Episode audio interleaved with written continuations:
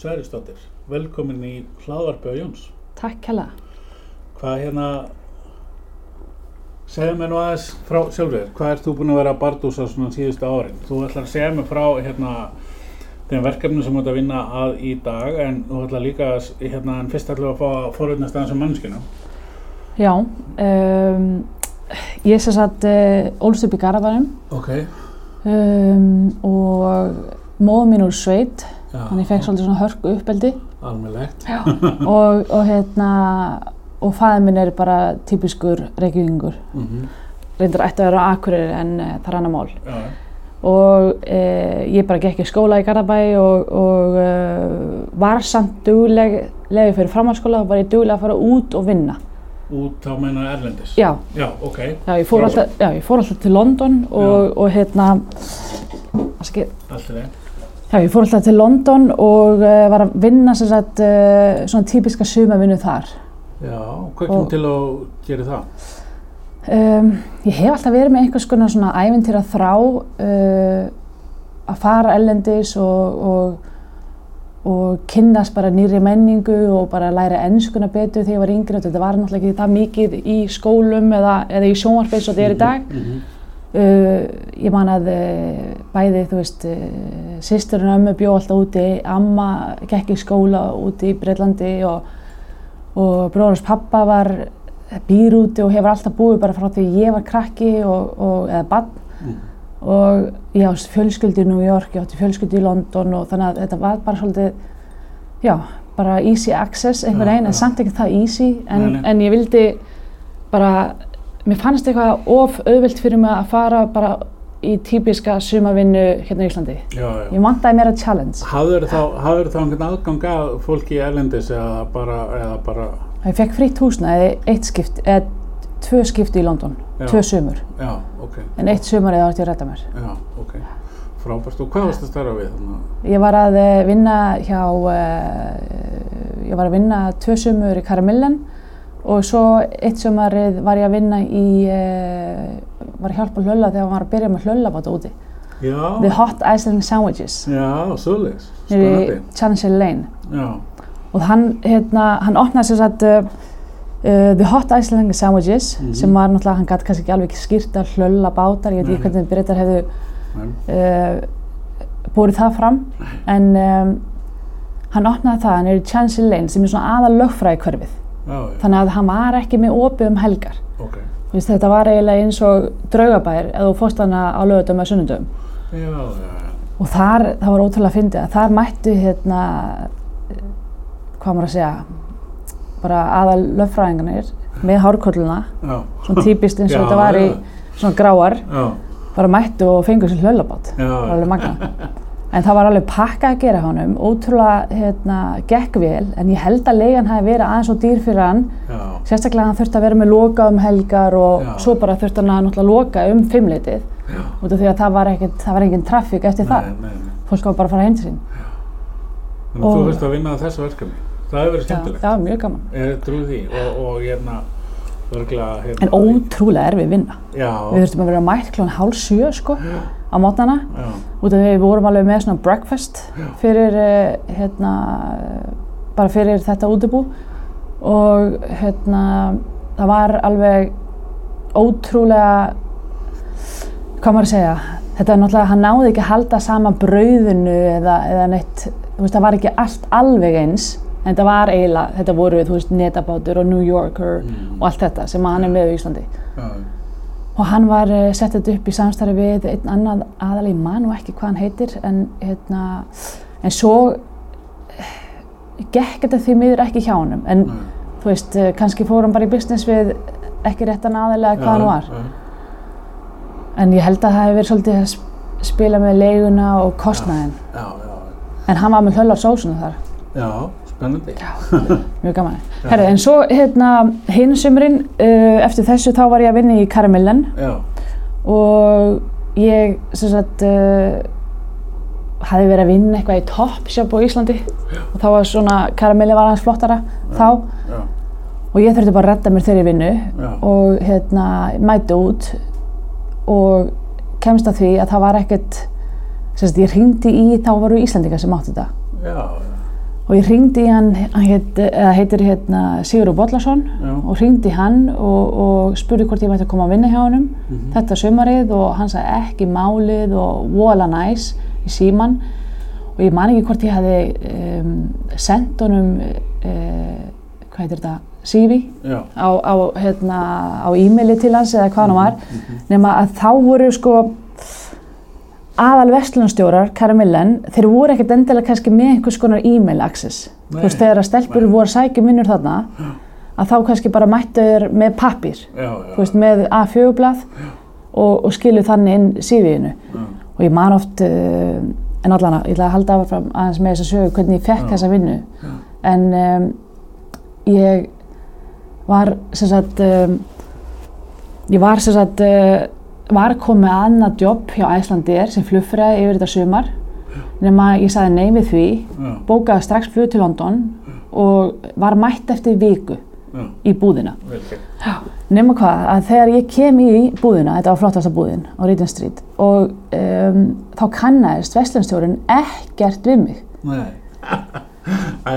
Og það var hérna og ég náttúrulega, ég hafði safnað fyrir flugfarinu og þetta típiska, þú veist. Já, og, og ég alveg bara, guð minn góður, ég bara gleymi þess ekki stressi sem ég fekk um líkamann, sko. Já, og hún sá greinilega hvað ég var bara vonsvikin á svipinn, sko.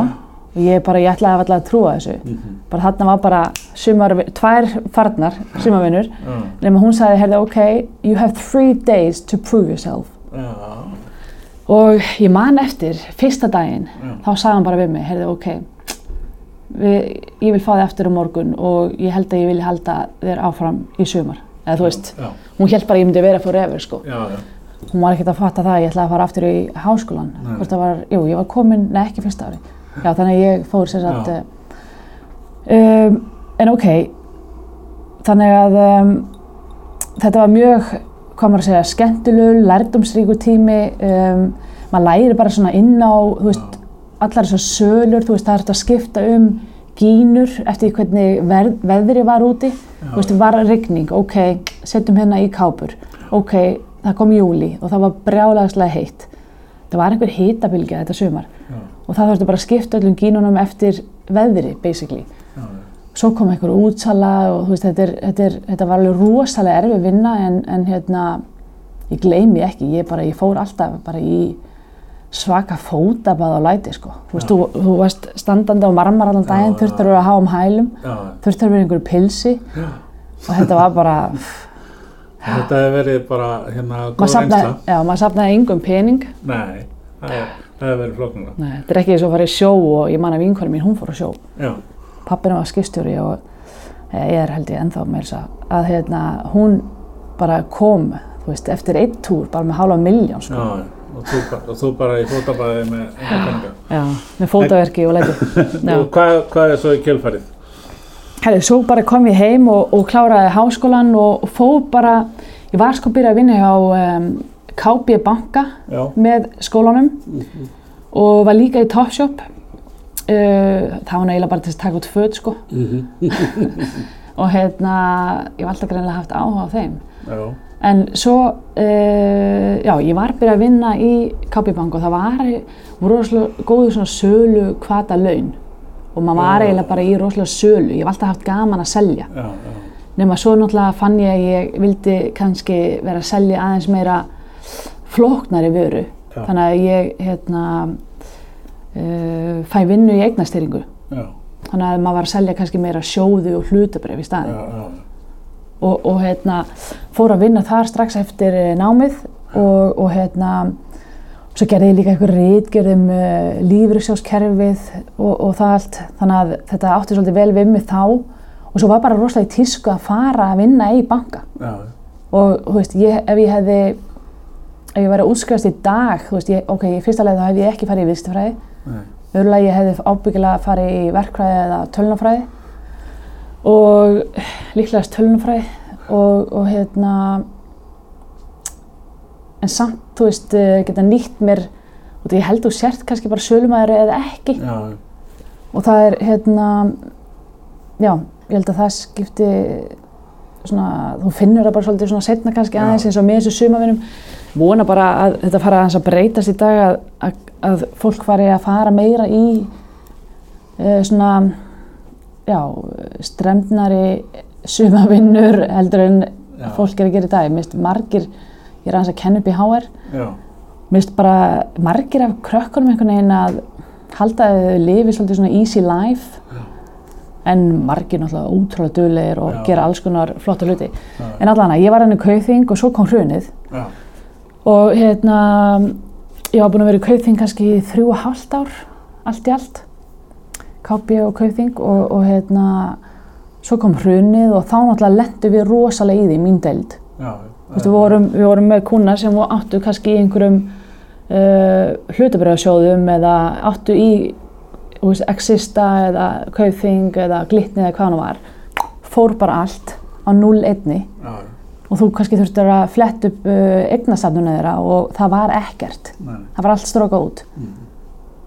Og ég man að við starfsmennum við áttum bara erfitt með að veist, trúa þessu sjálf. Já, já, og ég, ég held ég að sagt það einhvern tjónu daginn að ég held ég að lært eh, meira á að vinna þarna þennan mánuð sem hruni var veist, eftir hrunu og, mánu, og, og þessa mánuð eftir. Ég, ég held að hérna, ég held sko að þú lærið þér miklu meira á bara þú veist hvernig nákvæmlega sjóðinni virka og allt það heldur en einhvern tíman í einhverjum kursi í háskólanum. Já, já, þótt að ég tók alveg eignastýringu og Já, þetta.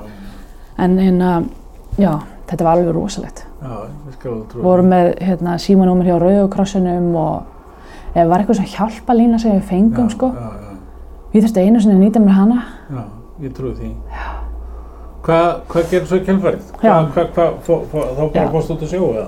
Nei, ég hefði áblíð gert það sko ef að ég hefði verið aðeins svona meira hold í mér nei. en hérna ég var sko þarna var ég eiginlega að koma annan fótinn til London. Ég var Ok. búin að leita íbuna mína. Og ég var búin að vera svona í viðræðin við uh, svona hérna, hvað maður að segja, æðri mennana í Kaupþing um að færa mig yfir til London. Já, í, í Kaupþing Singari Frílandir hétt það, hann úti. Og uh, var búin að hitta það á einu sinni og þess að þar en svo bara kom hrunið. Já, og þú veist, var, ég var ekkert eitthvað að herðu by the way, eh, hvað með þetta starf, þú veist, það bara var ekkert lengur. Nei, og hérna þar, en ég var samt, ég flutti samt til London og fór og, og fekk strax vinnu hjá einhverju svona private equity fyrirtæki og en ég stoppaði þar ekki lengi vegna þess að það var eitthvað hérna það fyrirtæki var svolítið svona eins og startup en samt í þessum private equity gera. Og þeir voru bara ekki með funding og uh, við vorum nokkur aðan á sama tíma. Og við hættum öll á sama tíma. Já, já, veist, það var bara, það var ekkert í almennilegt í gangi þannig nei, nei, nei, og svo, þú veist uh, ég fekk eiginlega svolítið nóg þannig ég fór aðeins og fekk uh, fór uh, til Barcelona lærið spænsku í smá tíma, ég saði já, og svo fór ég og flutti til Sviss. Já, þá fór ég að vinna fyrir svona ráðning og ráðgæða fyrirtæki fyrir alla helstu bankana úti og, og helstu ráðgæða fyrirtæki eins og Boston Consulting Group og McKinsey og þess að þar. Og í þeirri vinnu þá var mér búðin önnu vinna hjá svona multi-family office og þar fær ég inn í svona startup teimi líka. Og þá vorum við að búa til uh, svona deal flow management tool.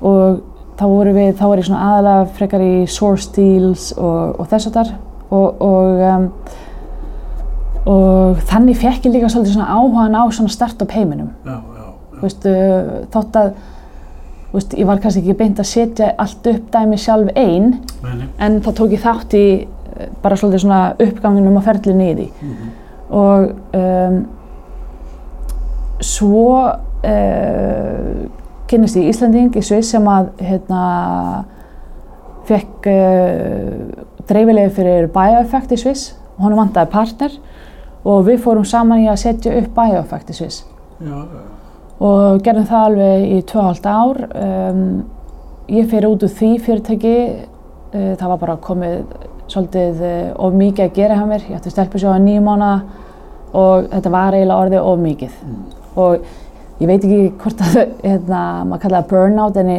svona nett svona, já, já, ok, fúf, ég þarf aðeins að Já, forgangsraða já, já. út af því að, já. En eftir það, uh, ég fatt að ég gæti kannski ekki tekið alveg nógu róla.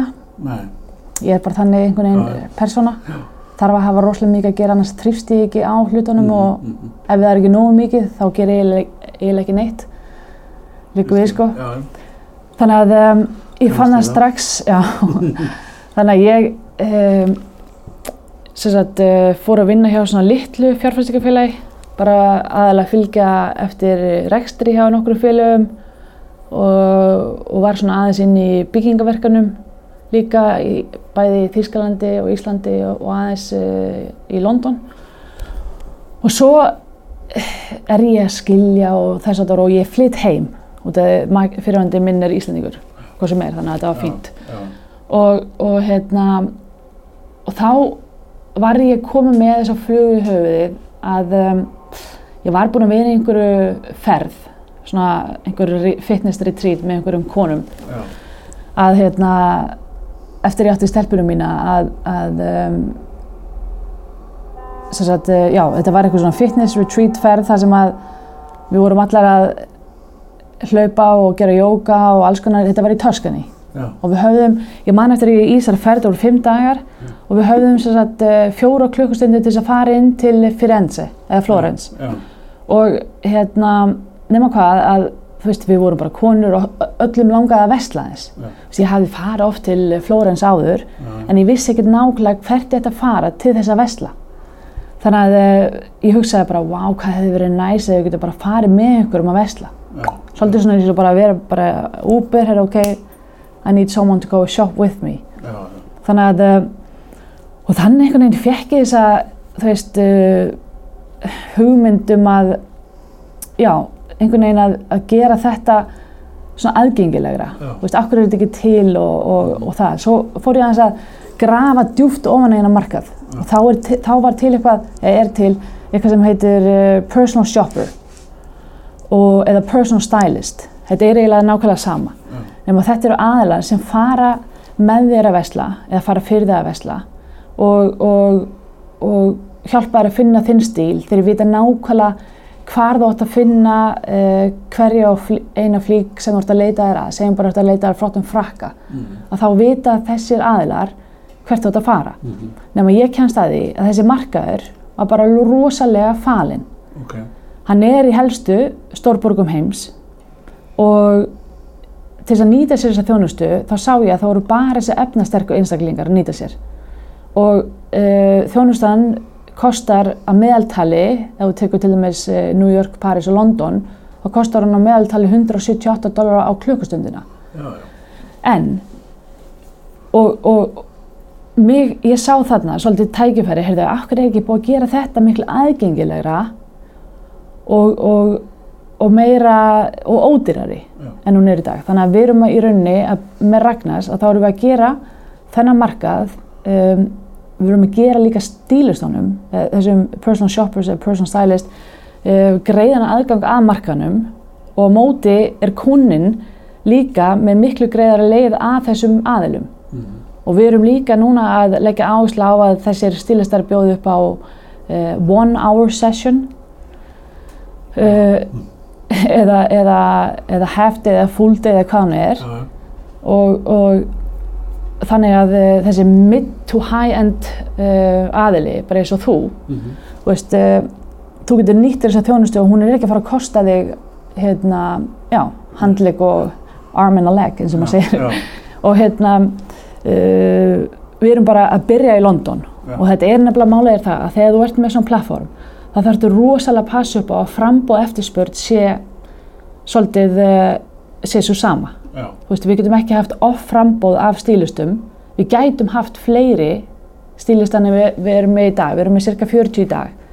Og þeir eru að bjóða yfir 100 og eitthvað eh, þjónustur, svona styling services kallast það.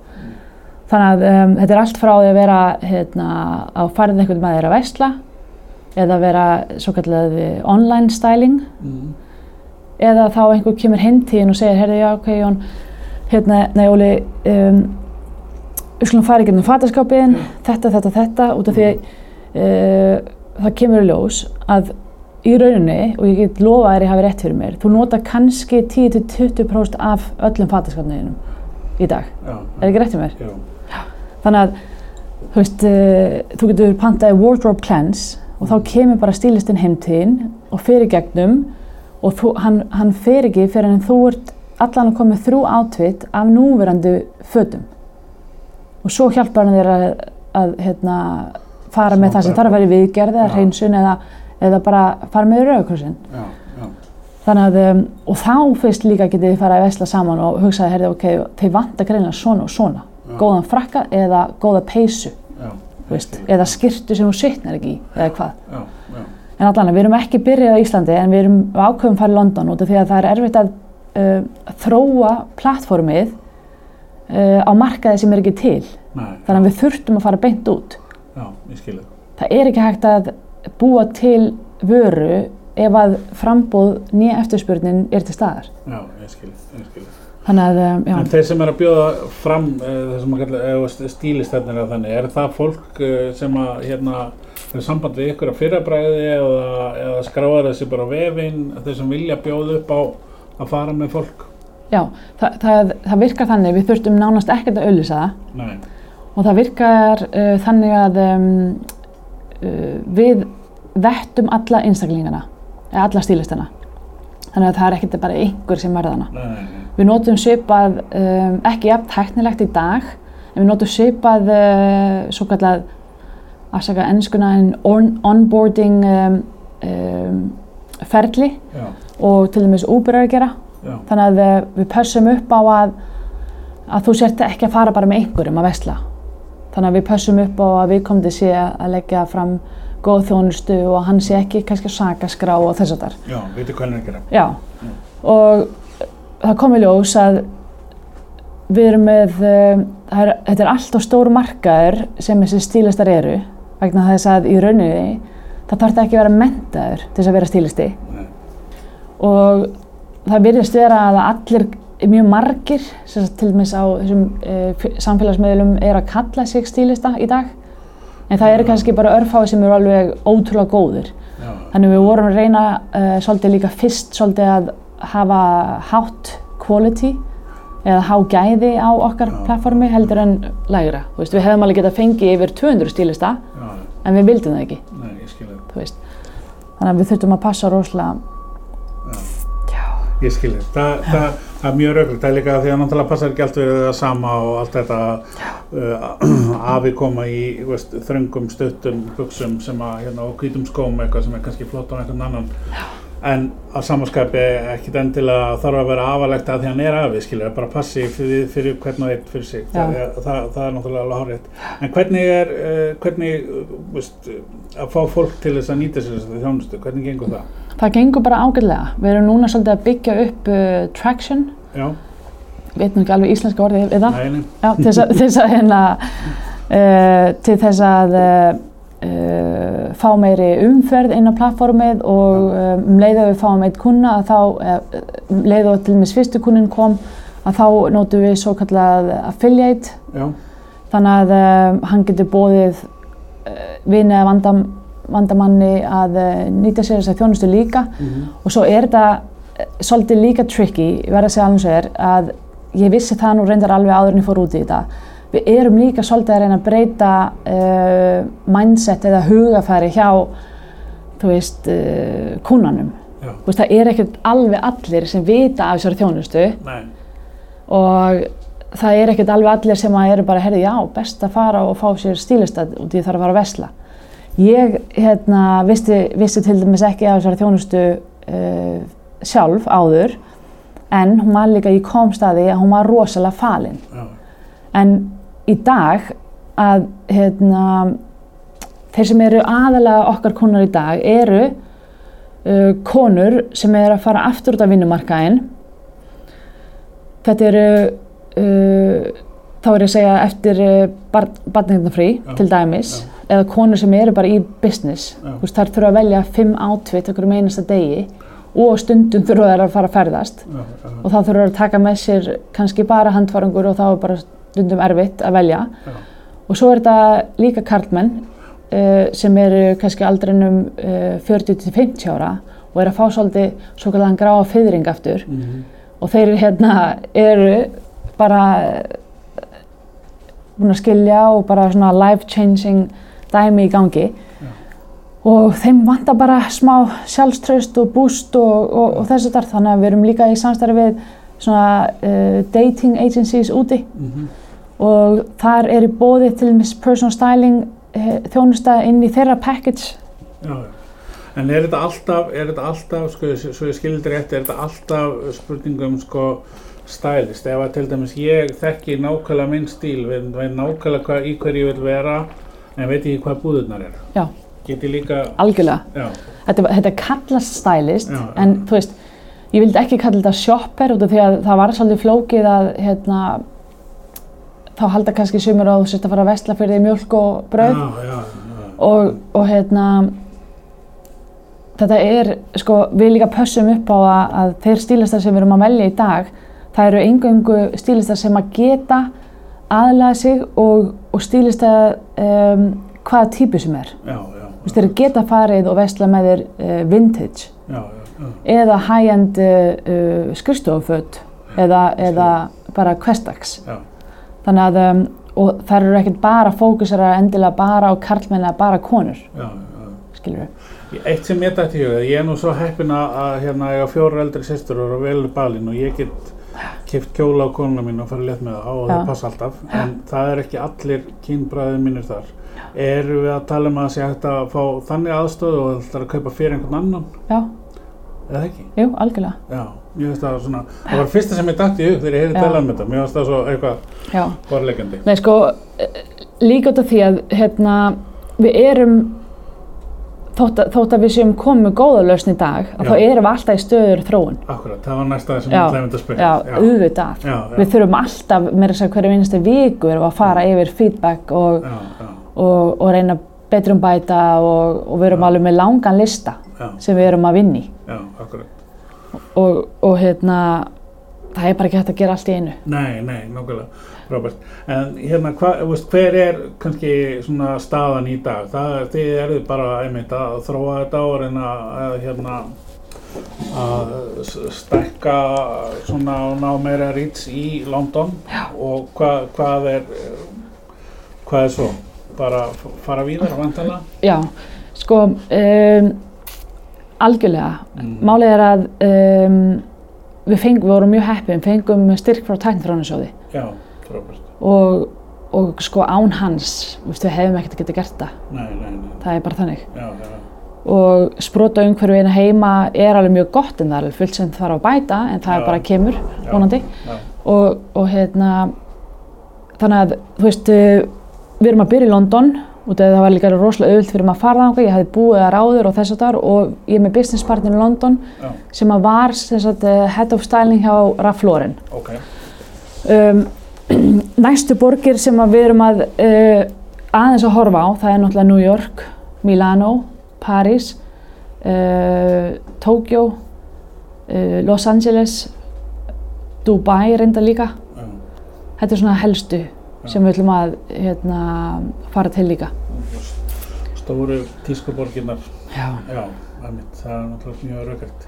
En hvað er hérna að þið koma aðeins inn á startup heiminn í Íslandi og segir okkur kannski aðeins frá þinni reynslu í, í því uh, og hvað er hérna þetta verkefni eða, og eða önnur, Já. hvernig þau fóru þær í gegnum. Já, um, ég sagði að um, þegar ég fekk þessa hugmynd, þá fór ég fyrst og talaði við hana Salome Gummistóttur sem er með uh, Icelandic Startups. hefur komið hérna í þáttinn. Já, Já, ok, flott. Og hérna, hún er framkvæmstjóri og er að stýra öllum uh, uh, hröðlunum sem eru í gangi í dag. Það er Startup Tourism og um, Startup Reykjavík, reyndar veit ég ekki alveg framhaldi með hann. nei, Og svo er einn annar, það eru komin nokkri, nokkri svona tónlistarhall og gulleggi og það. já, En ég allan að fór í Startup Tourism og fekk það rosalega góða leiðsögn en ég fann það að uh, ég þurfti, mín hugmynd var uh, skalanlegri en margar aðra sem voru. Já, og um, mín var miklu tæknilegri heldur en nokkra aðra hugmyndir sem voru í Startup Tourism. Já, já, en það var alveg mjög gott að fara í startup uh, hérna, tourism. En, en, uh, en, en fyrir ekki það að fara að tala þessu. En, uh, en uh, sagt, uh, svo var hann einagunar hann, hann bauð mér að koma í startup Reykjavík Já, og það er sá hraðall hann, uh, hann fittaði miklu betur við mína hugmynd eða þessa hugmynd, Ragnars.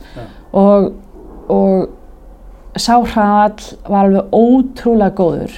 Og það er alveg ótrúlega sárt að sjá að náttúrulega Arjón banki er ekki lengur að styrstaraðalinn og, og þess að þar en þetta var, þetta sko þú voru með rosalega uh, pressu um að delivera í hverju viku og sem þú gerðir náttúrulega og þetta var hérna alveg rosalega góður svona lærdómur bara í að að keira hugmyndina út og, og þess að þar um, en sko það er líka eitt sem ég tek eftir ég er sem sagt um, ég tek eftir því að vera í þessu startup um, umhverfi og líka að maður er búin að vera svolítið mikið að flakka til London Mhm. að ég, ég tók eftir því að, að hérna, það er mjög mikið af ungum stelpum sem að hafa verið að leita til manns, til mín um að fá uh, ráðgjöf. Þannig að og svo er einn uh, æsku vinkonu mín sem að er sko, þú heldur að ég sé einhver frumkvöld, hún er miklu verið frumkvöld en ég, hún hérna er búin að setja upp fullt af uh, batteri hún Silja já, Tór og við ákveðum, hún var líka alltaf að lenda í þessu að fá einhver til sín sem að, sem að hérna, hún myndi þá veita ákveðna ráðgjöfum hvernig hún byrjaði og, og hvernig hún svona fór að þessu.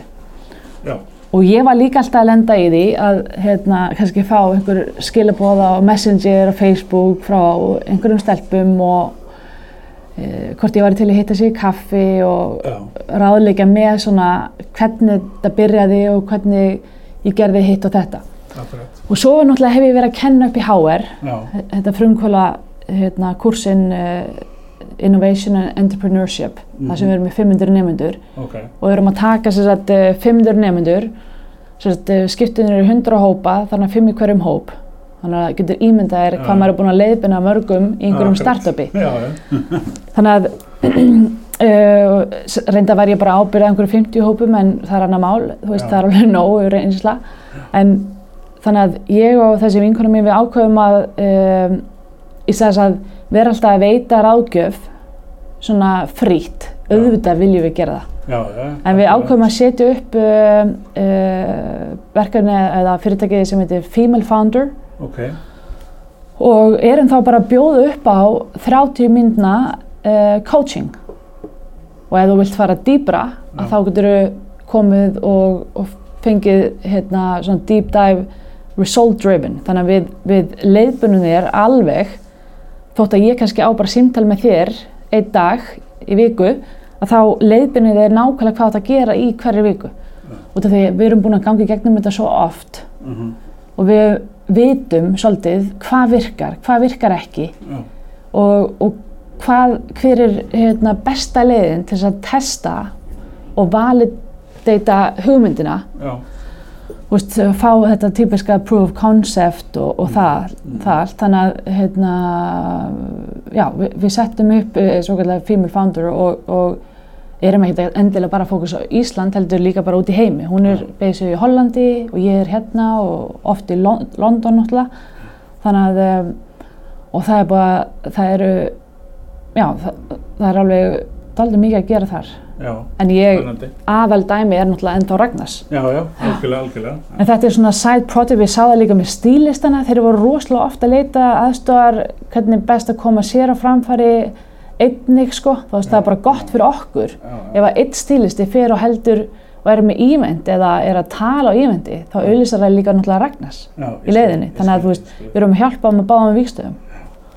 spennandi, og þetta er svona partur af það sem þú ert að gera í þessu, hérna, þessu startup heimi, en þegar þú er, ferði í startup Reykjavík með hérna Ragnars, hvað, kjó- hvað gerir svo í kjölfarið, hvernig, fyrir þá sem að þekkja ekkit inn á svona sístem, hvað, Já. hvað gerist í kjölfarið þegar hraðalinn er búinn? Já, þá náttúrulega, það er misjant hvernig varan er og, og Já, hversu langan tíma tekur að þróa hann í mann til með svo myrkur hérna games strákanir, Já. þú veist, þeir eru ennþá á þróunastígi nánast, Já, þú veist, en samt alveg ótrúlega flott það sem þeir eru að gera. Já. og þú veist, eh, ég man til dæmis að það var einn ein hópur uh, Bone and Marrow, þú veist, þau gáttu bara verið tilbúin með vöru í byrjun. Ég var ekki komið með uh, forritara þá þegar ég fór í startup reykjavík þannig ég gati eiginlega ekki komið nákvæmlega með þú veist, uh, lausnina. Nei, og ég var líka, hún var alltaf að breyta sjá mér hugmyndin og, og ég var alltaf að þróa hana betur, ég var komið stílist á Íslandi. Já, og svo komst ég að því bara þarna setnum haustið, þú veist, þetta var ekki að ganga nógu vel á Íslandi. Nei, nei, út af því að það var svo lítil þörf fyrir þetta. Þú veist, það kannski komu kannski einhverjir efnastarkir einstaklingar til þess að nýta sér svona þjónustu en það var kannski, þá þurftum við bara að opna 66 gráð norður eða opna Já. Sindamani og já, já, það var kannski ekki beint svona eins og þetta er út í þessu stóra heimi. En eftir startup Reykjavík þá er það svona, svona eðlilegt að teimin uh, haldi áfram að vinna og þróa sína vöru koma henni út á markaðinn fá svolítið feedback, þróa hana aftur og bæta og betur um bæta. Alltaf að bara do better and adjust. Já, og, og svo náttúrulega leita eftir fjármagni já, strax. Mhm.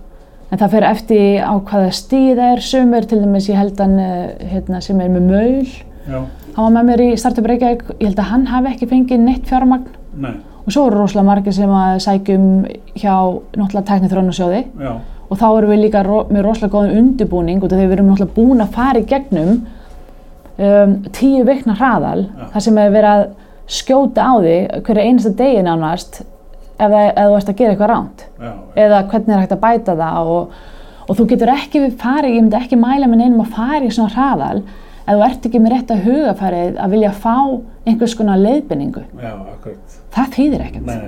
það heldur þú setja allt á hreinu já, En það var nú eiginlega ekki margir þannig sem að, Nei, nei. ég held að það hef ekki verið neitt þannig þegar ég var. nei, Þannig að, hérna, og þetta er líka bara, þú veist, í lífinu, þú veist, auðvitað, auðvitað eru margir sem að hafa alltaf rétt fyrir sér og, og hérna, og hérna, vilja ekki fá neitt, uh, neina aðstöðar ágjöf, eða þess að það er líka bara ágætt, þú veist, Já. þá er, þá, þá, hérna, en þá kannski myndi ég ekkert vera að fara í svona hraðal. nei, nei, nei, Eða allan ekki ef þú ert ekki með þannig hugafar. Út af því að ég man, þú veist, þegar ég var í Startup Reykjavík, við vorum öll svo ótrúlega spennt og þakklátt og, og, og, og jákvæð. Já, og það er eitt í þessu startup umhverfi sem ég verð að koma að.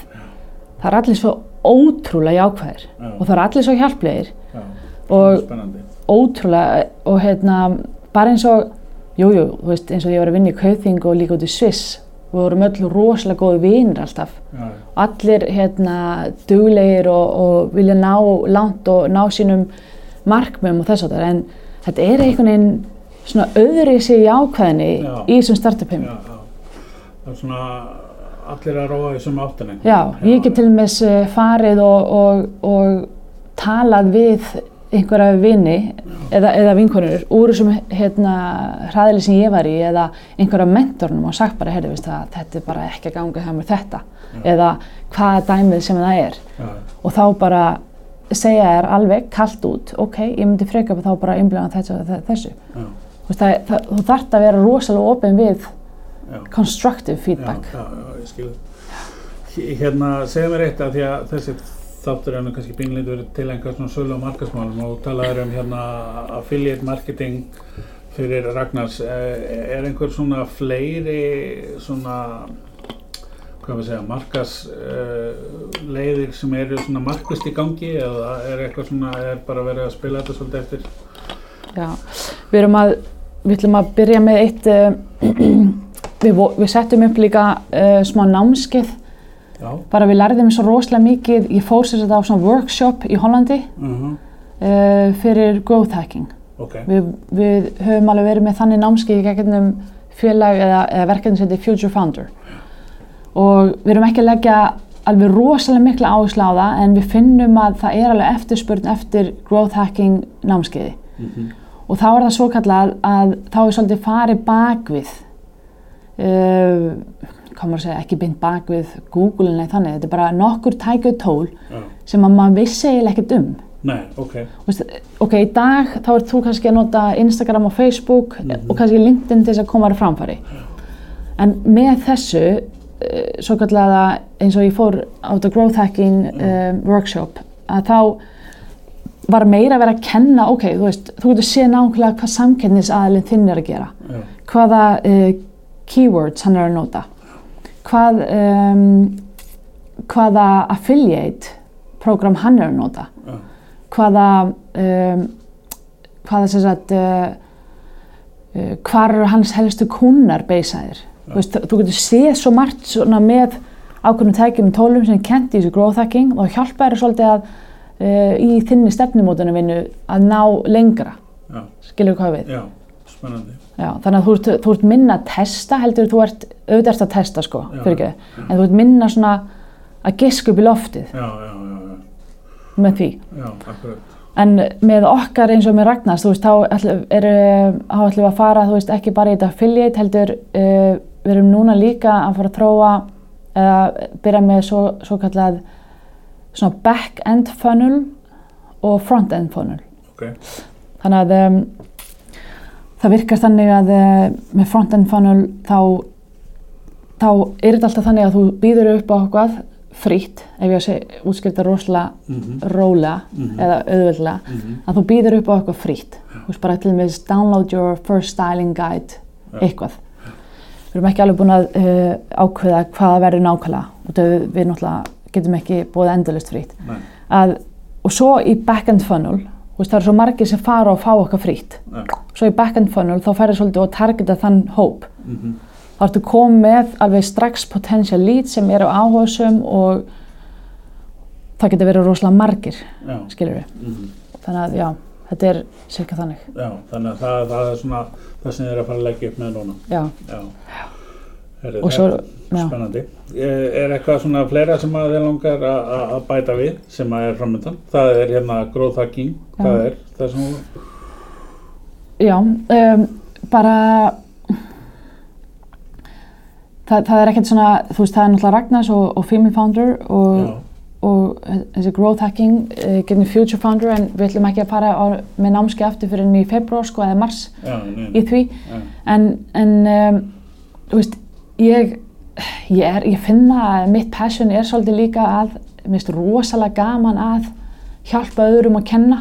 Þess vegna já. líka kannski fór ég í þetta female founder. Já, að ég fæ bara rosalega mikið út úr því Já, já. og ég vildi óska þess að væru fleiri, veist, bara eins og til dæmis þær sem að uh, stelpunum sem voru með mér í HR veist, það er ekki margar af þeim kannski, auðvitað er það ekki allir sem hafa í sér. Nei, nei, og er ekki þannig persónu hérna einkenni eða, eða persónu hérna, fyrir ekki, ég veit ekki eins hvað orðið er að reyna að koma nei, nei. með, en eru kannski ekki þannig, þannig hugafar eða mindset að það er ekkert allir sem að eru tilbúin að fara í svona startup en ég held að þetta er fleiri samt að, að láta draumana sína rætast. Veist, ekki, kannski stórt orð að segja draumar en, en að, að prófa. Já, já, settu bara, segjum að þú sérði eitthvað flott merki í bandaríkanum eða, eða í Breitlandi og þú ert í einhverju búð og bara prófa það að selja þetta á Íslandi. Settu þetta svo auðvelt að gera það. Já. Þú veist, auðvitað er Ísland rosalega lítill markaður og ég Já. segi alltaf ekki bara hugsa um Ísland.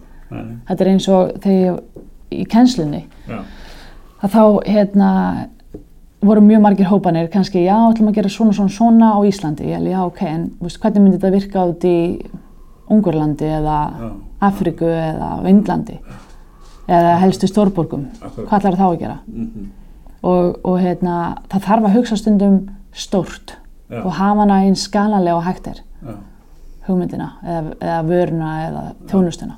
Já, það, það eru hérna, það er svolítið limited já, það er svolítið limited margt sem er hægt að gera í Íslandi. Ég meina, ef þú hugsar út í það já, við erum að selja fisk út um allan heim. Það er Já. skalanlegt, já, já, þannig að það þarf að hugsa svolítið stórt. Já, það, við myndum kannski ekki græða mikið að við verum bara að selja fisk á Íslandi. Nei, sennilega ekki.